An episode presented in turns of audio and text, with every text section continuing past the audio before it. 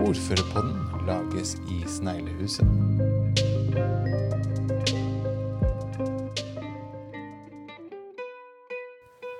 Velkommen til uh, Ordførerpodden nok en gang. I eh, dag så har vi vært så heldige å få besøk i studio av naboordføreren Tor Peder Lone fra Drangedal. Velkommen hit. Takk for det. Veldig stas å være her. Er mer populært å være gjest her enn å være gjest på Nytt på Nytt. Så nå, nå har jeg eh, betalt halve ordførerlønna mi til WWF bare for å få lov til å komme hit. Det er så flott. Ja, Det er nydelig. Det er jo ikke mange tusen, det, så det går fint. Nei. Men eh, nok en gang, velkommen. Eh, Drangedal er jo nabokommunen til Kragerø på så mange måter. Men det skal vi komme tilbake til. Men litt om Tor Peder. Eh, hvor er det du dukka opp? holdt på å si? Hvor kommer du fra? Uh, og litt om historien din. Litt om starten. Ja, jeg kan jo si litt om meg sjøl først. Jeg Bor i eh, Tørdal i Drangedal, nord i kommunen. Sammen med samboer, eh, fire unger, et par katter, en 12-13 høner og en flokk med kyr. Eh, på en gård der. Trives veldig godt i Tørdal. Jeg har flytta tilbake igjen etter å ha vært eh, noen år ute av kommunen for å studere og, og jobbe og sånn. Ja.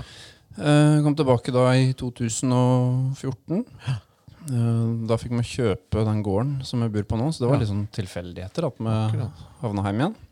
Men du er, ikke- er du født og oppvokst på gård sjøl, eller? Nei, jeg Nei. er ikke det. Nei. Så, men det var en gård i, um, eh, som blei til salgs i, sånn, litt Ja. ute i familien. Ja. Eh, og da var det en anledning som var litt for god til å la være. Ellers så var planen egentlig aldri å flytte hjem igjen, skal jeg være helt ærlig. Eh, men vi var i ferd med å etablere oss i, i Ås, i Akershus. Ja, ja. Der vi jobba på det tidspunktet, begge to. Men eh, livet er jo fullt av tilfeldigheter. Yes. Men sånn helt i starten hva, var, du er ikke født og oppvokst på gård. Nei. Hvor kom du for, egentlig fra da? Nei, Jeg kommer fra Bø i Tørdal. i Ja, så du er ordentlig Drangedal? eh, Ja da, jeg er ordentlig Drangedal. Ja. Uh, er født og oppvokst i et uh, helt uh, vanlig bolighus i skaukanten. Ja.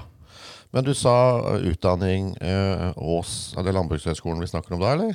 Ja, eh, det stemmer. Jeg var et par år der. Um, før det så Jeg gikk jo på videregående i Bø og eh, gikk befalsskole i Forsvaret. Eh, og så studerte jeg bygg og anlegg i Porsgrunn, så jeg jobba noen år i entreprenørbransjen. Oh, ja. med sprengning, veibygging og den type ting.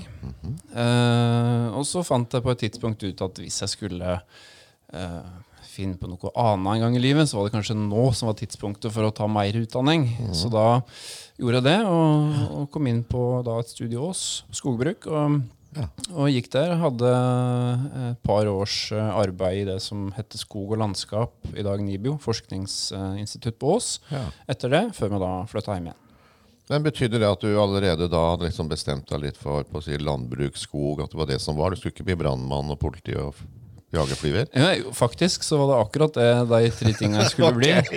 Og så, og så eh, hadde det seg sånn at eh, i sånn fem-seksårsalderen så fant foreldrene mine ut at det så litt dårlig. Eh, Så jeg måtte til øyelegen, og da var det Da sa han til meg du, Tor Peder, eh, dette går helt fint, men det er bare én ting du må vite. Det er at du aldri kan bli politi eller jagerflyger. Så da, da brast drømmen. Okay. Um, Da var brannmann igjen, da, egentlig. Det var bare brannmann igjen. Ja. Ja. Så da tok du det valget. Men uh, du sa at kanskje ikke hadde tenkt å flytte tilbake til Drangedal sånn egentlig, i hvert fall ikke med en gang. Nei. Men så dukka det, det var gården, muligheten der som dukka opp, som gjorde det, rett og slett. Ja, akkurat. Ja, nei, det var som sagt uh, tilfeldigheter og egentlig litt uh, tragiske omstendigheter. Fordi at uh, jeg hadde en fetter som døde, Ja. eh, og han hadde ingen arvinger. Og, og da kom gården på salg, og Ja. veldig, tross alt, da, eh, fint for oss å få den muligheten. Og Ja. naboen vår er jo da i ganske nær familie og et veldig hyggelig nabolag å, å bo i. Ja, jeg har kjørt forbi der. Liksom, når du kommer nærmere Kviteseid, så dukker det opp en sånn flat lita bygd, egentlig, med den lille elva. Så det er jo veldig flott oppi der, da. Det er jo langt unna folk. Ja da, og sikkert når du bor her, Jone, så Ja. er det jo ekstra langt oppover. Det er jo mye lenger oppover enn Ja. det er for oss å svippe en tur ned hit. Ja, det er ofte sånn. Det er riktig. Men du trives og har tenkt å Men du sier du driver da med dyr, stort sett? Ja, ikke stort sett, det er å ta veldig hardt i. Men, eh, men ja, vi har eh, kyr. Ja. Ammekyr, som det heter. Um, Ellers så har vi jo litt skau, så det er noe av det jeg liker aller best å holde på med. Å ha med motorsaga ut i vedskauen. Eh, Da får jeg virkelig kobla fra og gjort noe annet. Men du fortalte meg en gang eh, Du har ganske mye skau sånn sett, for det var snakk om noe skau som ble freda eller verna. Det er en sånn system i staten hvor du kan liksom nærmest gi bort skauen din. Ja, ja, det er jo sånn at um, uh, Frivillig vern kalles det. Ja. Altså Hvis en har eh, enkelte biologiske kvaliteter på Ja. eiendommen sin, så kan en søke om å få verne noe av det, og blir da kompensert i noe grad fra staten. Eh, Beregna ut ifra den produksjonen en kunne hatt av Ja. den skauen. Men du sa Forsvaret. Du er jo egentlig offiser, kanskje gentleman nå, men i hvert fall du har tatt offiserutdanning. Ja, eh, eller befalsutdanning, da. Ja. Eh, I dag så er det jo utdanningssystemet i Forsvaret er jo lagt om en god del. Eh, men det er riktig at jeg er befalsutdanna. Eh, det var et, eh, to eh, veldig fine år. Mm. og, og hørt på å si til tross for mange års utdanning etter det, så er det kanskje fortsatt de åra som jeg sitter igjen med som, som har betydd mest for meg, da, sånn Ja. utdanningsmessig, fordi at eh, det er veldig utviklende utvikla på det personlige, menneskelige planet, og ikke Ja. bare rent faglig. Hva er graden du har nå? Nei, altså, jeg er bare fenrik, så Ja, um, så er Fenrik, ja, det er to fenrikere her, da. ja, ja, riktig. Det er det du er. Ja. Ja, bra. Ja. Ja, nei, så, Men eh, jeg trivdes eh, godt i Forsvaret, og jeg har, um, jeg har fortsatt uh, i Heimevernet. Mm. Så jeg har vært med i det som heter innsatsstyrke Gunnerside, som er en uh, innsatsstyrke i Heimevernet i Telemark og Buskerud. Het- Eh, Heter det Gunnerside? Det heter Gunnerside. Okay. Altså Alle heimevernsdistrikter i Norge har en innsatsstyrke, da, som Ja. er en eh, enhet som får litt mer eh, trening, litt skarpere utstyr osv. Ja. Uh, og de styrkene er da oppkalt etter uh, kjente operasjoner fra andre verdenskrig. Riktig. Mm. Akkurat. Eh, så, men da jeg da ble valgt til ordfører, så, eh, så var det litt viktig å vite henne jeg skulle møte, dersom det ble en uh, situasjon som påkrevde at en skulle møte. Ja, Og i en beredskapssituasjon så har han jo òg en rolle som ordfører, og da ja. Så jeg har ikke møtt eh, som HV-offiser siden 2015, eh, men er fortsatt engasjert i, i Heimevernet gjennom noe som heter Distriktsrådet for Ja. Telemark og Buskerud HV-distrikt. Akkurat.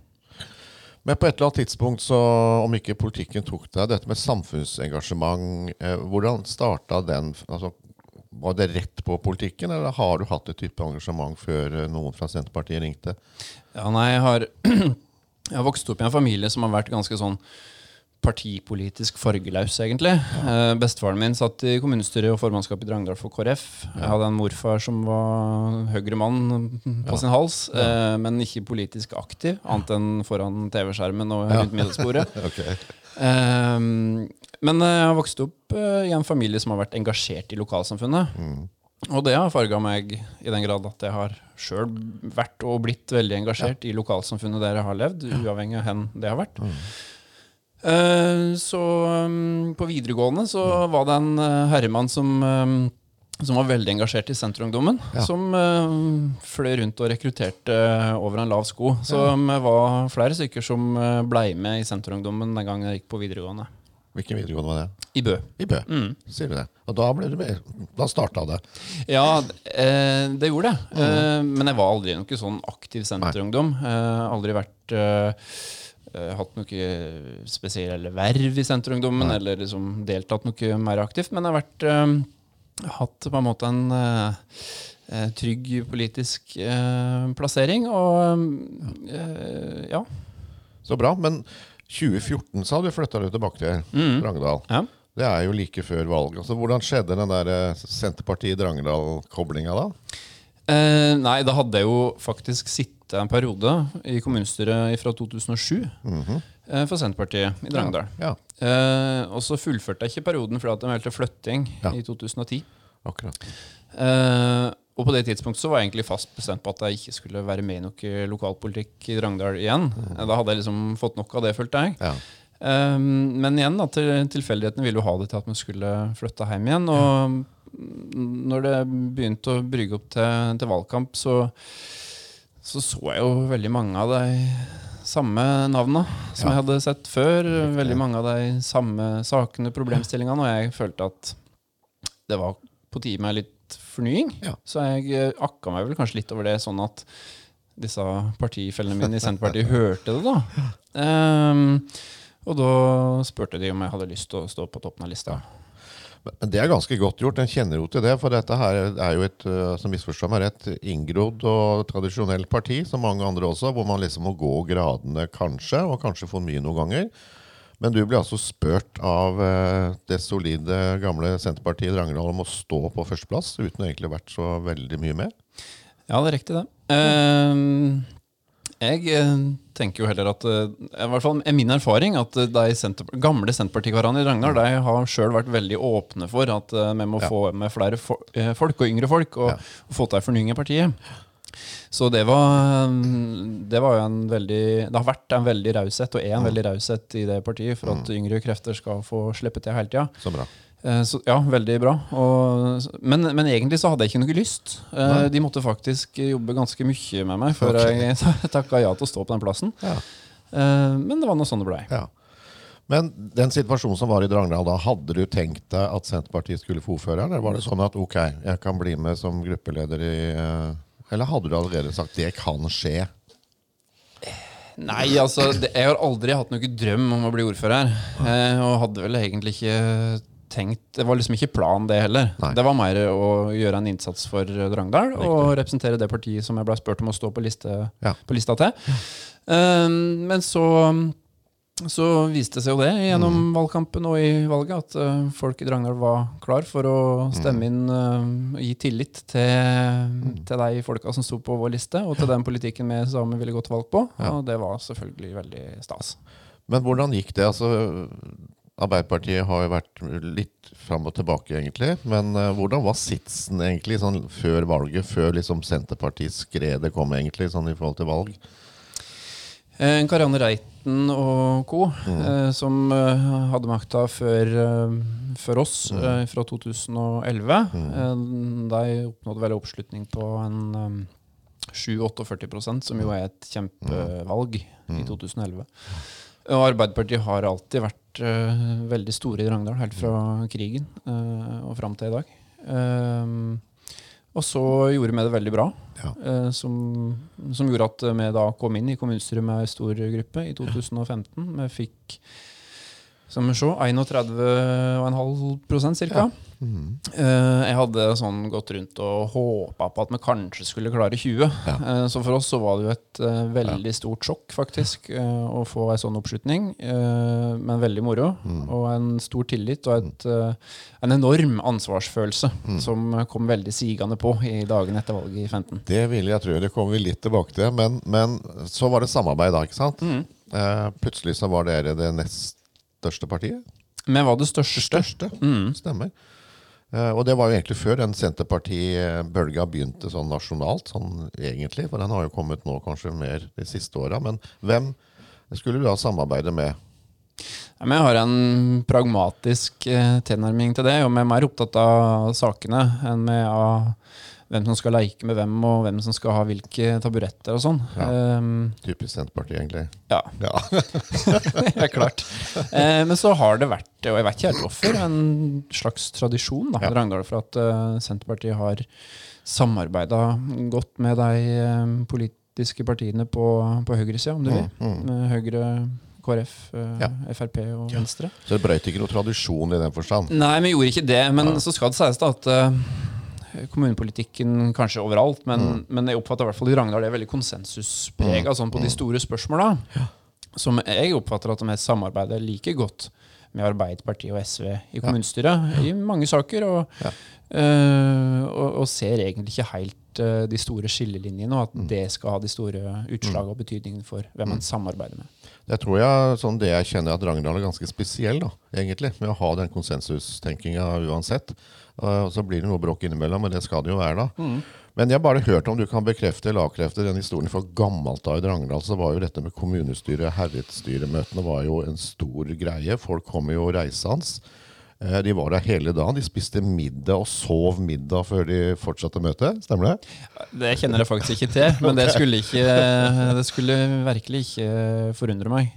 Eh, politikk Jeg oppfatter at eh, Drangedølen har alltid vært veldig politisk engasjert. Eh, så til tross for at den har eh, hatt en konsensusbasert tilnærming til, til til sakene i Ragnardal, så, så har det vært et stort engasjement. Og det betyr jo på ingen måte at den er enig i alt. Eh, det er bok, eh, 'Bygdesoga', som jeg kaller den, Ja. eh, om Ragnardal, som er skrevet av, av Olav Sandnes, tidligere stortingsmann og Mm. ordfører for Venstre i Ragnardal. Han, han eh, beskriver jo eh, at eh, en, i Ragnardal har liksom en sånn politisk skille. da, at uh, i, Rundt i Ragnardal sentrum og sør i kommunen så er en mer venstreorientert, mens uh, lenger nord du kommer i kommunen, så er en mer hø høyreorientert. Okay. Og Så vet jeg ikke om det stemmer i dag, men jeg tror kanskje du kan finne noen spor av det. Og at uh, det er enkelte sånne skal man si, debatter som lever lever videre fra den gangen. Mer geografisk kanskje enn politisk noen Kanskje, ganger? kanskje. Ja, kanskje. Nei, Drangeland er jo på å si en lang kommune. Jeg har jo hatt gleden av å jobbe der som lensmann et par år. Og det er vel over sju mil fra Kroken og opp til grensa av Kviteseid, mener jeg. Ja, jeg satt faktisk og funderte på det akkurat i stad. Burde ha målt på kartet, men, eh, men det er noe sånt. Det er en lang kommune, Ja. og folk bor jo forholdsvis spredt Ja. Mm. langs hele den strekningen, og ikke minst ut, i, ut på i sidedalene våre, og både opp mot um, Gautfall og, og Kjosen og, og Hensei. Og, så det, det, er, det er en ganske spredt bosetting i Drangedal, og det synes jeg er en kvalitet som, eh, som jeg skal ta vare på. Og både meg og mitt parti, og jeg oppfatter at eh, politikerne i Drangedal er opptatt av at en skal gjøre det mulig å bo og leve og ha et godt liv i hele Drangedal. Tanken på størrelse. Du har jo ene enden egentlig der du bor, sånn sett. Og så har du krokene og krokungene i andre enden. Om det ikke går å skille der, i hvert fall, så er det liksom de fra kroken er jo liksom mer kanskje knytta til Kragerø enn oppover. Uh, og det er i hvert fall bare et inntrykk. Og vi har jo snakka om det i kommunesammenslåing. Bamble har jo det samme, med Vest-Bamble. Uh, og så har du Kroken. Uh, opplever man på en måte at den delen, det blir jo den helt den sørligste delen selvfølgelig, er like mye samarbeidsorientert mot nabokommunen, eller kjenner de også den helhetstanken?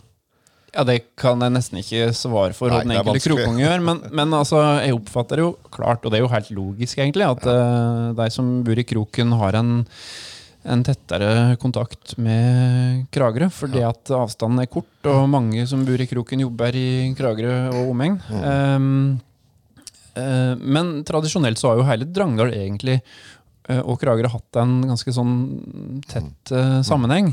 ikke minst i forbindelse med med tømmerfløtinga og, og tømmereksporten. eh, som, som jo gikk gjennom Kragerø-vassdraget helt fra nord i Drangedal og, og ned hit. Eh, og sjøl så bor jeg på en gård som på et tidspunkt var eid av Bjørn-familien eh, fra Kragerø. Riktig. Eh, som, for det var jo på et, uh, på et, i en tid der det var mye eh, gikk dårlig en periode, og så kom gården på salg. og så, ja. Akkurat. Så, så, så Kragerø og Drangedal har jo alltid hatt eh, ganske nære forbindelser, og da spesielt uh, i næringssammenheng. Riktig. Og det er litt kult at i 1666 så brant jo London. Eh, og mesteparten av tømmeret som da London er bygd oppå igjen, kommer fra Drangedal, Sannidal og skipa ut fra Kragerø. Til London. London. Og kanskje fra gården der du er, så er det trær som har søsken som er grunnpilarer i London. Det kan eh, veldig godt hende. Ja. Så nei da. eh, tømmer har jo vært viktig for eh, vårt eh, distrikt, det. Mm. og jeg tror det fortsatt kommer til å være det. Og, og næring generelt. Jeg Der, der, eh, der vet at du har snakka litt med noen av kollegaene mine om meg, at det, der har Kragerø og Drangedal noe definitivt å satse på sammen videre. Så er det jo kjempebra at du faktisk eh, satser sammen på ny E18 og Kragerø næringspark og Fikkjebakke, som er grenseområdet, for å si det sånn. Altså også Drangedal er med der. Ja, vi, vi ser jo på Fikkjebakke òg som vårt industriområde. Mm. For det ligger rett utafor stuedøra vår. Eh, Jeg tror det er over 100 drangdøler som, som har sin arbeidsplass eh, på eller i nærheten av Fikkjebakke. Ja. Så det er en betydelig eh, arbeidsplass, kan du si, eller mange arbeidsplasser i det området som er viktig for oss. Og, og det er, altså, jeg tror veldig på ei stor utvikling i det området. Selvfølgelig fordi at vi får en ny, eh, fin eh, motorvei eh, der. eh, Og fordi at vi har egna arealer til å få til mange gode ting. Ja. Men litt tilbake til eh, Plutselig sto du der da, Mm. valgnatta og tenkte på et eller annet tidspunkt at du så hvilken vei det gikk, og at eh, du kunne risikere å bli ordfører. Hva tenkte du, altså hva, hva gikk gjennom huet ditt da når du og Eventuelt når oppdaga du at det var faktisk det som skulle skje, og hva tenkte du da? Har du noen sånn eh, tanker rundt det nå? Ja, det første jeg tenkte på, var at jeg grua meg for å møte Magnus Straume i kommunestyret. Eh, Men det bare for å ha sagt det, så har det vært en veldig eh, positiv eh, erfaring å ha med seg. Ja. Så nei, det var jo Jeg husker nesten ikke hva jeg tenkte. For det, altså, en veit jo faktisk ikke hva en går til. En kan jo ha sine tanker om hva en ordfører eh, er og gjør, og på hvilken måte en kan og skal og bør jobbe med politikken sin, men men altså, det, dette er det jo ikke noe fasitsvar på, så, så det var litt som å, å lande i fallskjerm i ukjent eh, terreng og skulle Ja. prøve å finne veien til noe en ikke helt veit hva er. Greit å ha militær bakgrunn og tenke litt sånn. Kanskje, men, eh, men dette er jo eh, ukjent for alle. Jeg tror at eh, en må ha en åpen innstilling. Mm. Så jeg har prøvd å lytte til folk så godt jeg har kunnet. Um, Så har jeg forsøkt å forme rolla på den måten som jeg føler passer meg. Riktig. Men du kom inn på kontoret første dagen hvor eh, tidligere ordfører hadde rydda skuffer og skap, og der sto du. Der sto jeg. Eh, som vi også har vært borti sjøl. Det der med plutselig En ting er politikken, man er jo vant til det politikk, men plutselig er det mange andre ting en skal forholde seg til. Man er jo juridisk person for kommunen, man har en rådmann, man har administrasjon, man har all verdens ting man ikke har tenkt på. Syns du det var veldig krevende, eller måte gikk dette her om ikke av seg sjøl, så gikk det seg til? Ja, skal jeg si, jeg vet ikke om det noen gang egentlig har gått seg ordentlig til. Nei, det, altså, det, det er jo eh, Altså, veien blir til mens den går. Eh, og som jeg sa, en må forsøke å gjøre rolla til, til sin egen, altså det som passer en sjøl. Ja. Jeg lærer noe hver dag. Og jeg kommer til å fortsette å lære noe hver dag så lenge jeg sitter eh, i den rolla jeg, jeg gjør nå. Og det er jeg veldig glad for. Jeg er glad for at ikke det her er en sånn At det ikke er noe fasit på det. Jeg er glad for at det ikke eh, Altså, jeg er glad for den muligheten. Det er, en, det er et kjempeprivilegium eh, å få lov til å forme både den rolla og forsøke å forme kommunen som en eh, eh, jobber for, eh, så godt det lar seg gjøre. Så kommer vi alle inn i dette ordførerkollegiesystemet i Grenland, da, hvor alle var nye, bortsett fra ordføreren i Skien. Eh, og, det, og det følte jeg i hvert fall også var sånn, om ikke lettelse, så var det greit at en ikke var aleine å være ny. da. Og jeg opplevde at det å være med et sånt kollegie også var egentlig en jæklig god start. Men det første vi begynte å jobbe med, var jo kommunesammenslåing. Rett inn i sekskommunersarbeidet for sammenslåing. Eh, Det er ganske brå start. Hvordan var det? Eller var du ganske avslappa i forhold til at dette blir ikke aktuelt uansett? Ja, jeg tenkte nok litt sånn. Og vi var jo veldig fast bestemt på at det skulle i hvert fall ikke bli. Ja. Eh, men så følte vi jo at eh, det utredningsarbeidet og de folkemøtene og alt det som skulle gjøres, det var litt sånn Det måtte vi liksom gjøre. Men det er klart at det blei jo ganske halvhjerta, på sett og vis. Ja. Fordi at jeg tror flere av oss følte at utfallet var gitt. I hvert fall så ønska vi ikke den konstellasjonen og den, det utfallet som, som kanskje prosessen i utgangspunktet fra regjeringas side da, Ja. eh, la opp til. Eh, så, så det var veldig greit at, eh, at det ikke blei noe. Ja. Når man sitter der man sitter da, i ordførerstolen, uansett størrelse på kommunene, så som jeg nevnte i stad, så er man jo på å si øverste sjef. Ellers er man jo vanlig som forholder man seg til en sjef eller et styre. Så kan man jo si et kommunestyre, kanskje et styre, men det er jo ikke sånn det funker. da, Man er ganske aleine. Og så er det jo ikke alle man kan eh, snakke med heller, i kommunesystemet. Eh, Følte du deg aleine i forhold til sånn, altså, viktige ting du skulle tenke rundt og gjerne ta beslutninger på også, som du egentlig faktisk ikke kunne snakke med noen på din egen arbeidsplass? Ja, helt klart. Det er det er ganske sånn ensom eh, jobb, egentlig. Ensom rolle. Mm. Men eh, som mange andre sier, så, så har jeg jo hatt stor glede av å kunne snakke med folk som jeg har hatt tillit til, som jeg har tillit til, som har mer erfaring enn meg sjøl. Ja. Og så har jeg vært opptatt av å snakke med folk, altså vanlige folk, fordi at rolla skal jo på en måte må være litt forsiktig så den ikke havner inn i en sånn ordførerboble. Ja. Så jeg har forsøkt å snakke om i hvert fall om de tingene jeg kan snakke om, da, Ja. med helt vanlige folk, Drangdøle. og få innspill til ting. Og, og på en måte lodde stemninga Mm. ute, for det er det viktigste, og det er jo deg vi er valgt inn eh, for og representerer. Og jeg tenker at jeg jeg har sikkert ikke klart det så godt jeg burde heller, men det har det har i hvert fall forsøkt på, da. Ja. Eh, Blir det mindre Senterparti og mer ordfører? Hvordan blir dette her? Altså, du er jo ordfører for alle, men samtidig så nå er vi inne i en valgkamp igjen. Den derre balansen mellom å kjøre nå en kraftig valgkamp, f.eks., kontra det å være ordfører for alle. Har du tenkt gjennom det, eller hvordan? Ja da. Ja, ja, ja, jeg regner med at du har tenkt gjennom det. Ja, nei, jeg har det, men, men altså, jeg tror ikke det er noe fasitsvar på det heller. Uh, men jeg har, uh, jeg har uh, Jeg har tenkt at eh, jeg skal være bevisst på at jeg er ordfører for alle. Så jeg forsøker å tone ned jeg, da, eh, partipolitikken. Ja. Jeg gjør det. Ja. Eh, om det, er, det er ikke alltid det er bevisst. Det hender det er litt sånn ubevisst. Um, men jeg gjør nå det. Ja. Eh, Men jeg veit jo hvilket parti jeg representerer, og det veit jo stort sett eh, velgeren og, Mm. Ja. og befolkninga i Drangedal. da. Men du har denne som vi nevnte om, sånn som jeg fra, utsida, konsensustradisjon egentlig i Drangedal. Jeg mener at jeg på et eller annet tidspunkt har hørt at dere har fått enstemmige budsjetter igjennom? Eller Ja, jeg tror si? samtlige av budsjettene våre, både i forrige periode og altså, Nå har vi bare hatt ett budsjett i Ja. den perioden her, da. Jeg tror samtlige av deg har vært uh, enstemmige. Uh, og vi har mange andre saker også med det, men så igjen så betyr jo ikke det at vi ikke har debatt Nei. i sakene. Og det kan jo godt være at uh, vi har hatt, et, eh, hatt en del endringer i, i budsjettet Mm. fram til det vedtaket vi har gjort. Og jeg husker spesielt første budsjettet som jeg la. Eh, budsjettet for 2016. Ja. Så hadde jeg liksom trodd Da hadde jeg liksom litt mer den derre posisjon-opposisjon-tankegangen. da, Og tenkte at her skulle jeg bare komme og smelle et ferdig opplegg i bordet, og så, og så liksom banke det gjennom. Mm. Eh, men det så vi fort at det var verken lurt eh, eller riktig å gjøre. Eh, så det blei til et skikkelig juleverksted i kommunestyresalen.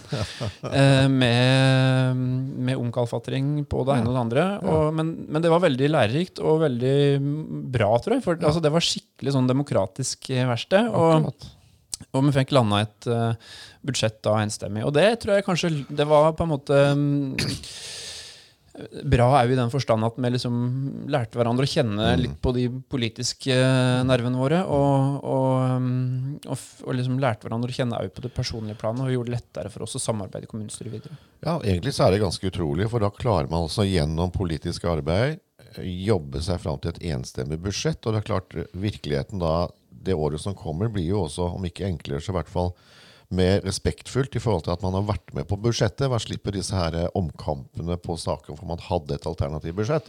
Så jeg må si, jeg har ikke hørt om veldig mange andre kommuner som får til det. Så det er jo virkelig bra.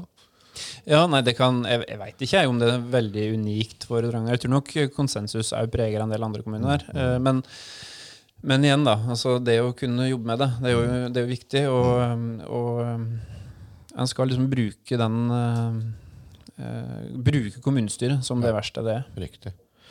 Eh, så må vi bare innom eh, noe som har vært mye omtalt, selvfølgelig. Eh, de såkalte mobbesakene oppe i Drangedal. Det er ikke alt som er konsensus der oppe, for å si det sånn. Nei. Eh, og det har vært noe på en måte som bare har gått litt sånn fram og tilbake. Men hvordan har det vært å være øverst politiske leder i når du kan lese om Drangedal i VG og Dagbladet og nyheter, og det stopper liksom ikke helt heller. Altså Har du et politisk ansvar, Mm. både i forhold til administrasjon og selvfølgelig i forhold til politiske systemet. Og så er det et lite sted. da. Du kjenner jo ja, du kjenner faktisk alle, i hvert fall på utseendet, om du ikke kjenner det helt personlig. Hvordan var det?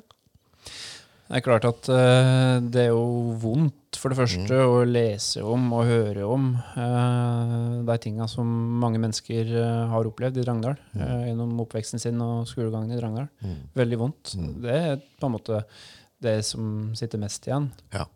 Og det er ikke noe, det er ikke noe hyggelig sak å, å få å havne oppi, selvfølgelig. Men samtidig så er jeg veldig glad for at den saken, når den har kommet, har gitt oss muligheten til å forsøke å skape et enda bedre Drangedal. Og en enda bedre skole der vi er flinkere til å oppdage, forebygge, eh, stoppe eh, mobbing. Eh, og skape et, eh, et godt miljø. Og jeg syns at eh, vi er veldig på god vei der og gjør mye riktig. Men jeg tror nok aldri at vi, verken vi eller andre kommuner vil klare å, å eliminere mobbing, dessverre. For der mennesker er, er det dessverre høy sannsynlighet for at mobbing kan skje. Mm. Men at uh, vi kan bruke de erfaringene uh, til å forsøke å gjøre noe med det, det er jeg glad for at vi har fått anledning til. Men kanskje, det er bare en påstand, akkurat den saken der var det den saken hvor du Uh, som i en ledende spørsmål, kanskje følte jeg mest aleine som ordfører. I forhold til at det var så mange i kommunen som var involvert. Vi har jo sett også nå at det har vært en viss uenighet innenfor administrasjon. Altså, det var mange ting som kom opp. Følte du deg spesielt alene da, eller hadde du, liksom, hadde du de å snakke med som du trengte å snakke med utenfor systemet? Jeg følte meg faktisk ikke så aleine da. Eh, fordi at, altså, det er klart, og, og sånn er det jo i en sånn sak. Dette er, en, det, det er vanskelig for en kommune, for et lokalsamfunn, å gjennomgå noe sånt. Men det er først og fremst vanskelig for de menneskene som har opplevd disse tinga. Ja. Det må du ha med seg. Um, men, men altså, jeg, eh, jeg følte at uh, altså, Sånn er det i, ja. i et uh, samfunn. Altså, det skal ikke være sånn at mennesker opplever mobbing, men sånn er det at en har forskjellig oppfatning om, om konsekvenser og, og på hvilken måte en skal uh, jobbe med det. Jeg har hatt mange samtaler, både gode samtaler og, og vonde samtaler, eh, om eh, disse sakene. Eh, men jeg er helt sikker på at eh, Drangedal kommer styrka ut av det, uansett åssen hvordan han ser på det. Så bra.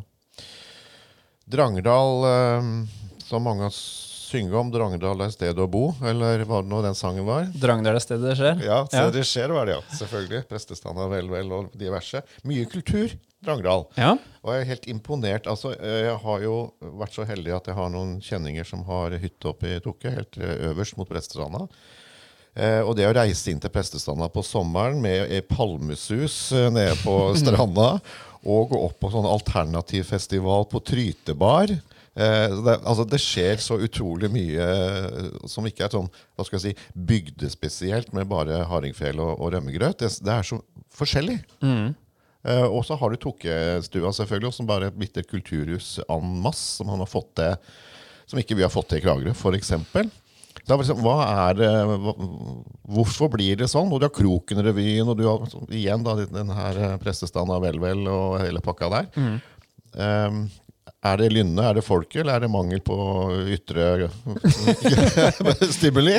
Nei, du, Man har veldig mange eh, kreative, engasjerte, flinke folk i Drangedal. Ja. Innafor mange kulturelle sjangrer. Og, og i det hele tatt. Eh, og jeg tror at eh, eh, altså Hvis en ser litt sånn historisk og geografisk på en kommune som da, så har den jo på en måte ligget kanskje litt for seg sjøl, og, og kulturen har utvikla seg kanskje eh, som den har fordi at geografien har, er påvirka det. Altså, Ja. Har eh, av gammelt av kanskje måttet finne på underholdninga han skulle ha sjøl. Ja, riktig. fordi at han ikke har kunnet eh, fått det på andre måter. Mm. Eh, altså er det kanskje en litt fordummende eller litt sånn overforenkla analyse av det. Men, men jeg tror eh, i hvert fall at det er noe i historien som har gjort at eh, mange i Drangedal er veldig eh, glad i kultur og er gode på og og engasjert i, i å utøve kultur Ja. på forskjellige måter. Og det klart at det har bidratt til at eh, vi har fått til f.eks. Et, eh, et kulturhus, flott kulturhus som, som modige politikere før min tid har uh, jobba fram. Og det er klart at det er viktig, men, eh, men det er jo ikke bygget i seg sjøl som er viktig, det er jo alt det som skjer inni. Og det, og det var på plass, på en måte, men det er klart at det får jo blomstre og utvikle seg videre når en har en sånn flott arena til å kunne utvikle det på. Ja, jeg syns som sagt det er ganske imponerende, for det er så, det er så, det er så vidt også. Det er som sier, det er så eh, Det er ikke bare innafor det ene, ene temaet. Eh, så har du dette med, med si, skytterlag og den der kulturen med jakt. Altså, jeg opplevde når jeg satt oppe i prestestanden og det var elgjakta, så skjedde det noe. Jeg var ikke vant til det, men det stengte jo ned hele samfunnet. Ja, ja, ja. ja Ja, det, det- det gjør det fortsatt. er jo før etter elgjakta. Ja, det, det gjør det fortsatt, men det er klart at uh, eh, Min oppfatning er at uh, elgjakta kanskje er litt mindre betydningsfull nå enn han var. F- både fordi at uh, det er en annen situasjon for dyra ute i skauen, og fordi at eh, kulturen er litt annerledes. Altså, ja. har, det er ikke alle som er født og oppvokst med jakt. Eh, altså, en mindre andel er det i dag enn det var for en, en del år siden. Stemmer. Men klart, altså jeg jakter jo sjøl. Jeg tar fri sjøl. Og jeg kjenner mange som gjør det. Og elgjakta er hellig, fordi at det er en en veldig fin tid på høsten som uh, drangedalene er glad i. Ja. Så har du Gautfall. Gautfallheia. Grensen over til Nissedal. Og det er tusenvis av hytter eh, og hytteutbygging. Og det er jo sånn, altså Vi har jo skjærgården, men det er jo samme problematikken i forhold til å verne kontra det å bygge ut. Har det vært en konfliktsak i Drangedal, eller har man på en måte også der en sånn konsensus i forhold til at ok, dette bygger vi ned, eller dette gjør vi ikke noe med? Jeg oppfatter ikke at det er en stor konfliktsak. Vi har hatt en ganske klar strategi oppfatter jeg, i Drangedal på at vi har konsentrert ganske mye av utbygginga vår til uh, Gautefall-området, og, og også etter hvert uh, Tok-området. Ja. Uh, og så har vi samtidig med oss den bevisstheten på at uh, altså det er jo naturen og områdene rundt som på en måte er salgsargumentet for Ja. disse hyttene. sånn at vi, det vil jo være å, å unnskyld uttrykket, å skyte seg sjøl i foten Mm. og på en måte begynne å gå for langt inn i de flotte områdene. Eh, Men det er en veldig positiv eh, utvikling, og fortsatt så er det et godt marked for, eh, for hytter både på Gautfall og, og ved Tokke. Eh, Og det er vi jo selvfølgelig glad for, at enda flere kan komme og oppleve de flotte kvalitetene har by på i Drangedal. Ja. Dere hadde jo et slagord en gang, eh, husker ikke helt når, men det var noen T-skjorter hvor det sto at fire millioner grantrær kan ikke ha tatt feil. Og det har noe med den der selvironien også som jeg opplever. altså Igjen da tilbake til revy og tilbake til eh, kjente sanger som eh, har vært på norsktoppen fra Drangedal, hvor man egentlig, om ikke driter seg ut sjøl, altså i hvert fall har selvironi. Men hva med et innbygger? Har det, har det hjelpa det med slagordet 'fire millioner grantrær kan ikke ha tatt feil'? Ja, jeg veit ikke, jeg. Eh, Men eh, som du sier, da, det er jo et bilde på den litt sånn sjøl eh, uhøytideligheten. Ja. Det tror jeg er en viktig ting å ha. At en må kunne skjemte litt med seg sjøl. Og så er det samtidig kanskje litt i det. da, Altså der du kan eh, der du kan få det til å spire og gro i naturen, der er det jo et uh, godt grunnlag for folk til å kunne bosette seg og høste av den naturen. Det er et fantastisk slagord. Det er virkelig bra. Um, uh, ungdom, tilflytting. Dere opplever jo som alle andre at det er en generell som på å si, aldersforskyvning uh, i Drangedal som alle andre steder. Men ungdommene i Drangedal har jo stort sett pga. jernbanen, da. Kanskje så er det dette med at det går liksom mot Bø og den veien. For disse som satt på Stortinget, fant ut at jernbanen skulle bygges inn i landet som var utafor rekkevidde av engelske kanonbåter. Det er et fantastisk argument, men Mm. ennå så. Altså Misforstå meg rett, der hvor det bor færrest folk. Men har det noe betydd med at ungdommen i Drangedal føler seg mer knytta til si, indre av Telemark mer enn sydover? Kan man si noe sånt? Eller pga. den skolesituasjonen? Jeg tror det er litt differensiert. Mer differensiert enn enn åssen du forteller det der, men, men det er definitivt en del av bildet, det du sier. Eh, mange velger å gå på videregående skole i Lunde, Bø, Søve. Eh, men vi har òg mange elever som reiser til Skien, Porsgrunn eh, og òg Kragerø. Ja. Eh, ikke minst eh, eh, mange av de som bor i Kroken, oppfatter jeg har Kragerø som et eh, alternativ høyt oppe på lista, fordi at det er nærme, og fordi Ja. at en en del av et miljø kanskje har omgang med folk som uh, bor i Kragerø. Så, så Kragerø videregående er selvfølgelig en viktig videregående skole for Drangedal. Vi har ikke vår egen videregående, så vi er jo veldig avhengig av at disse videregående skolene i kommunene rundt oss uh, er gode og, og fungerer. Og, og det gjør de, og det har de gjort, og, og sånn må det fortsette. Ja. Men det betyr at dere også da er veldig avhengig av den jernbanen som går gjennom bygda på så mange måter. Eh, For det har vært litt eh, Jeg regner jo med, jeg har også sett at eh, politikerne i Drangedal er opptatt av, av hva som skjer med jernbanen. Tilbud, rutetilbud og det som er. Men hvor viktig er jernbanen? Er det sånn at det er overdrevet i forhold til kommunikasjon? Nei, det er ikke overdrevet i det hele tatt. Eh, altså, Jernbanen gir oss muligheten til å kunne gjøre nettopp det her, å reise på videregående skole i Lunde eller i Bø eh, på ganske kort eh, tid. Eh, eh, og fortsatt bo hjemme. Ja. Eh, og det er jo en, absolutt en eh, fin ting. Ja. Og ikke minst så gir det oss muligheten til å pendle til arbeidsplasser et stykke unna. Ja. Enten det måtte være i Kristiansand eller det måtte være mot Oslo-kanten. Ja. Eh, på en effektiv reisemåte. Så, så jernbane er viktig. Og, og det som skjer nå, er jo at rutetilbudet sånn bit for bit blir bygd ned, oppfatter jeg meg. Og, og det henger jo sammen med politikk. Altså Ja. Det er jo politikk fordi at regjeringa har eh, privatisert eh, jernbanen. Og, og en del av de eh, eh, skal jeg si, altså, måtene dette blir drevet på, er, er forandra. Og det gjør til at uh, sånne stoppeplasser som er Neslandsvann, Drangdal, blir ikke prioritert like høyt. Og det er vi selvfølgelig imot. Ja. Der er vi enige med Kragerø. Mm. Selv om eh, vi håper jo på denne tilknytninga mellom Sørlandsbanen og, og Vestfoldbanen. Men det, det er jo en langt fram i tid. Um, så vet jeg at du har vært opptatt av én ting. Ikke, ikke bare det, selvfølgelig, men i hvert fall på slutten av forrige periode så snakka du mye om stein. Og sjeldne mineraler. Hva, hva er det egentlig? Du har funnet noen sånne eh, sjeldne steinsorter oppe i Drangedal? Ja, altså Drangdal eh, og Tørdal spesielt er jo faktisk et eh, mekka Ja. eh, for geologisk interesserte. Det har vært en, et, et ynda reisemål for spesielt hobbygeologer i mange år. Ja.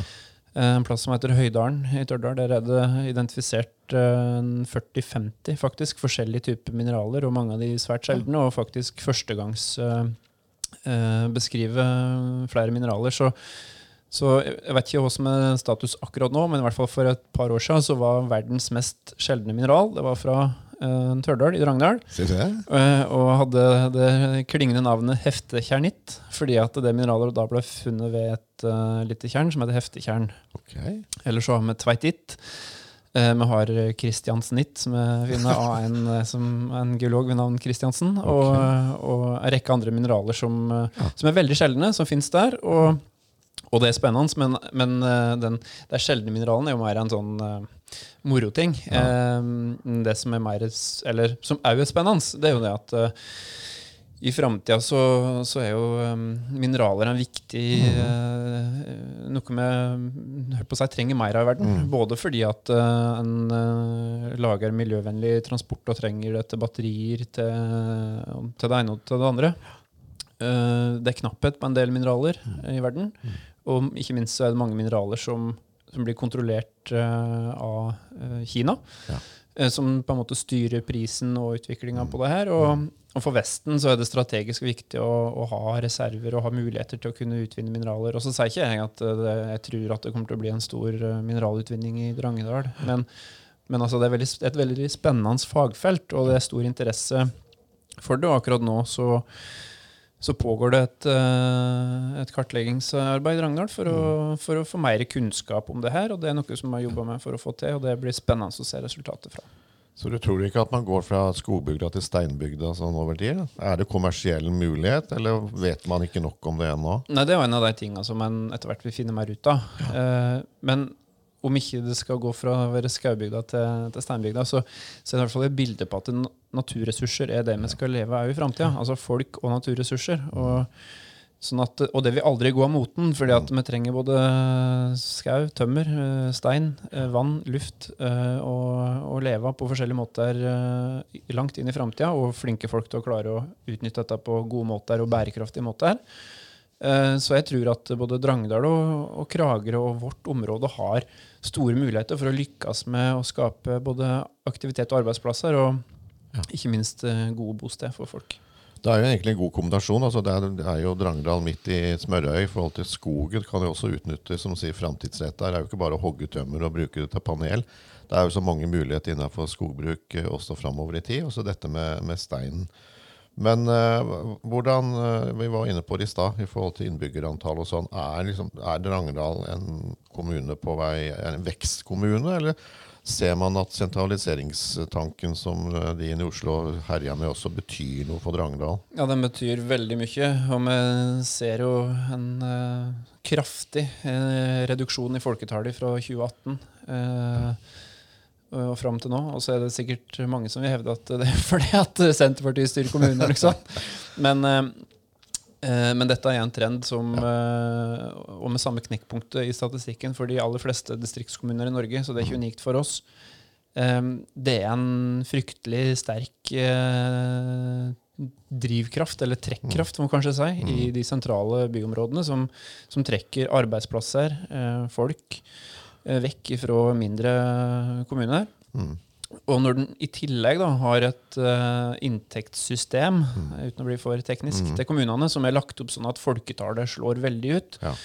så blir små kommuner veldig straffa, det blir vanskeligere å skape gode tjenester for folk. Og det gjør i neste omgang til at det blir enda dårligere grunnlag for folk til å bo og leve i våre kommuner. Så dette er på en måte dobbelt opp og, og en trend som må snu og jeg håper at vi kan få til en eh, en new deal, altså en, en kanaliseringspolitikk, om du vil, for, eh, for Bygd-Norge. Eller for eh, ikke bare Bygde-Norgene i det vi tenker på som bygder i klassisk eh, forstand, men, men egentlig det meste utafor det sentrale østlandsområdet. Eh, og det er kjempeviktig hvis vi skal ha det samfunnet vi har i Norge, med små forskjeller, både økonomisk, sosialt og ikke minst geografisk. Så det er viktig at en bruker politikken til å prøve å få til vekst og utvikling i hele landet. Og da trenger vi, et, eh, etter mitt syn, et eh, regjeringsskifte til høsten.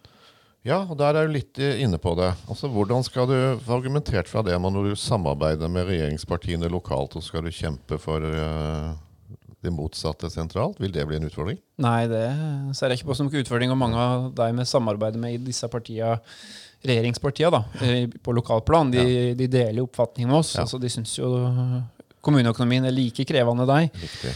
De er like frustrert over at politiet sakte, men sikkert trekkes mm. ut, at jernbanen blir privatisert, uh, osv. osv. Så, videre, og så, så dette er ikke noe som er særegent for verken det ene eller andre parti. Dette ser vi alle sammen. Men det er klart, for deg Eh, så er det kanskje litt vanskeligere å stå og drive valgkamp mm. og forsvare at en skal velge Daesh parti mm. eh, mm. i neste års valg. Mm. Eh, men på den andre siden så gir det jo det at vi kan snakke med disse menneskene, mm. muligheten til å fortelle ja. disse folka hva som faktisk foregår. Riktig. riktig. Byene har jo hatt uh, mye nytte av det man kaller bypakkemidler. Uh, Eh, hvorfor kanskje ikke jobbe for distriktspakkemidler som på samme lest, på samme måten å gjøre det på, nemlig å gi distriktene muligheter til å utvikle seg på egen, eh, egen kjøl, hvor det er forskjellige utfordringer fra region til region. Men eh, tror du at dette med distriktspolitikk kommer til å bli noe av det viktigste valgkamptemaet nå i stortingsvalget? Ja, helt klart er det jo allerede. For mm. at jeg oppfatter at uh mitt eget parti er veldig flink til, og har vært veldig flink til å sette dette på agendaen. Og man ser jo både at eh, Arbeiderpartiet og andre partier eh, sett fra mitt syn, da, kommer mm. etter. Mm. Eh, og det er jo veldig bra. Altså, det er jo det vi ønsker. Ikke fordi at, eh, fordi at man må huske at politikk er jo et virkemiddel, altså mm. ikke et mål i seg sjøl. Mm. Det er for å få til mm. gode ting for folk i, i hele landet. og og det at den har fått mer oppmerksomhet og flere til å engasjere seg i distriktspolitikk, det er jo bare bra. Mm. Det er jo Noen mener at ja, det er jo en trussel for Senterpartiet, for da kan vi gjøre et uh, dårligere valg. Men nei, det er jo bra, for mm. vi kan få til bedre ting for folk i Norge. Mm. Um, stortingsvalg. Vi har vært inne på det nå akkurat i forhold til noen forventninger. men hva er din klare melding til eh, de som blir valgt, om det er den ene eller andre sida uansett? Det er jo tema som er viktig, og hva man får av resultater. da. Hva er det kommunene trenger nå? Mer eh, penger. Ja, ikke sant? Det er lett. ja, nei, men altså, det er så, eh, så enkelt og så vanskelig. Ja, ja. Uh, uh, altså, jeg tror veldig på det å ha tillit til uh, til dere er nærmest folk, og nærmest tjenestene som blir produsert av folk. Mm. Um, så det å gi kommunene tillit og penger mm. til å kunne yte de tjenestene til folk der folk bor, mm. er det viktige. Og da må en faktisk uh, prioritere kommunene opp framfor å liksom ha sine egne uh, skal man si, politiske prosjekter som man, må, som man ønsker å, å prioritere på, på Stortinget og fra regjeringshold. Og, ja. Jeg, eh, jeg, tenker at uh, flere milliarder til kommunene Det høres på en måte veldig sånn kjedelig ut, og hva kan det bety? Men det betyr enormt mye for å klare å ha gode barnehager, gode skoler, gode sykehjemsplasser mm. nær folk i hele landet. Men det du egentlig sier da, er at slutt med detaljstyringa og øremerkinga, og la kommunen få muligheten til å utvikle seg sjøl? Definitivt. Altså det, det det klarer vi, for vi, vet en skoen trykker, og vi får jo de daglige tilbakemeldingene fra innbyggerne våre om hva som må til for å ha gode lokalsamfunn. Og da tenker jeg at da bør eh, staten oss, vise oss den tilliten og, og sørge for at vi har de midlene vi trenger for å gjøre det. Så du er helt enig i slagordet 'ingen bor i staten, alle bor i en kommune'? Ja, men det gjør det. Mm. Altså, det er ikke tull. Eh, altså, Vi treffer jo staten av og til, men det er ikke så ofte. Men kommunen har vi stort sett alle hver av oss et forhold til nesten hver dag. Mm. Eh, så det, det, er kjempeviktig. Mm. Du sjøl, da? Skal du eh, videre opp i systemet? Fylke, storting?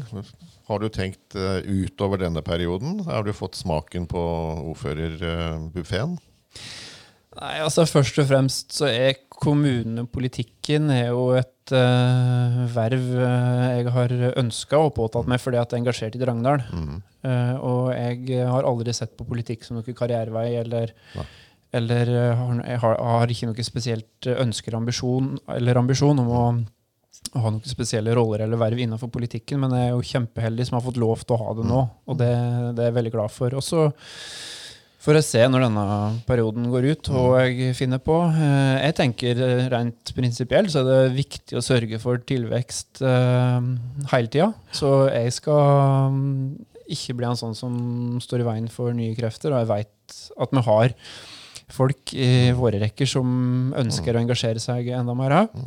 Og det syns jeg er en kjempefordel, og da har man på en måte bidratt til at en kan fortsette å ha det engasjementet. Eh, så, så jeg ser nok kanskje for meg, uten at jeg skal forhåndsmelde det nå, at, eh, at eh, etter den perioden her så kan det hende at jeg finner på noe helt annet. Ja, for du er jo ikke gamle karen, sånn sett. Så du ser vel ikke for deg å kutte ut politikk i det hele tatt, sånn sett. Men som du sier, kanskje på noen annen måte, eller eh, er Ja, det helt ut? Nei, men som jeg sa, da, politikk er ikke noe mål i seg sjøl. Og, og heller ikke for meg som noe eh, karrieremulighet. Nei. Altså, jeg er engasjert i lokalpolitikken Mm. i Drangedal for jeg- for jeg bryr meg om Drangedal, men, men eh, og det kan godt hende jeg har lyst til det igjen seinere. altså jeg har fortsatt lyst til det, men jeg, jeg mener at det er viktig å sørge for at den, uh, at den har den der tilveksten og det engasjementet som Ja. en har nedfra. At den beholder det. Uh, og så er det en, det er en grunn til at en valgperiode er på fire år, Ja. og ikke på 14. Riktig. Så, så jeg, eh, jeg tenker at eh, det, vi får ta det som det kommer. Veldig bra. Eh, Da har vi hatt en kjempefin prat, og det hadde jeg egentlig forventa, sånn som jeg kjenner deg. Og Drangedal er heldig å ha en ordfører som er engasjert på, i forhold til bygda og kommunen han bor i. Så tusen takk for at du tok deg tida til å komme ned til Kragerø, og takk for eh, samtalen, og god tur eh, hjem igjen. Takk for det, og som alltid hyggelig å slå slå en prat med deg, Jone. Og så får vi tro at vi kanskje kan få seg en kall en eh, en gang eh, så lenge. Det ser vi fram til. Takk skal du ha.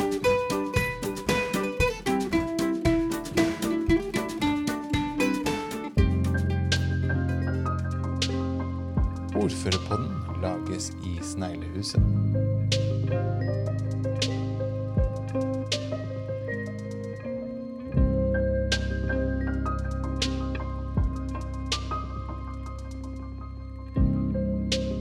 Tusen takk for at du hører på Ordførerpodden. Hvis du liker arbeidet vårt, så må du gjerne vippse oss. Da kan du sende en sum penger til vips nummer 600 659 og skrive ordførerpodden i meldingsfeltet. Det var VIPS nummer 600 659 og skriv ordførerpodden i meldingsfeltet. Tusen takk.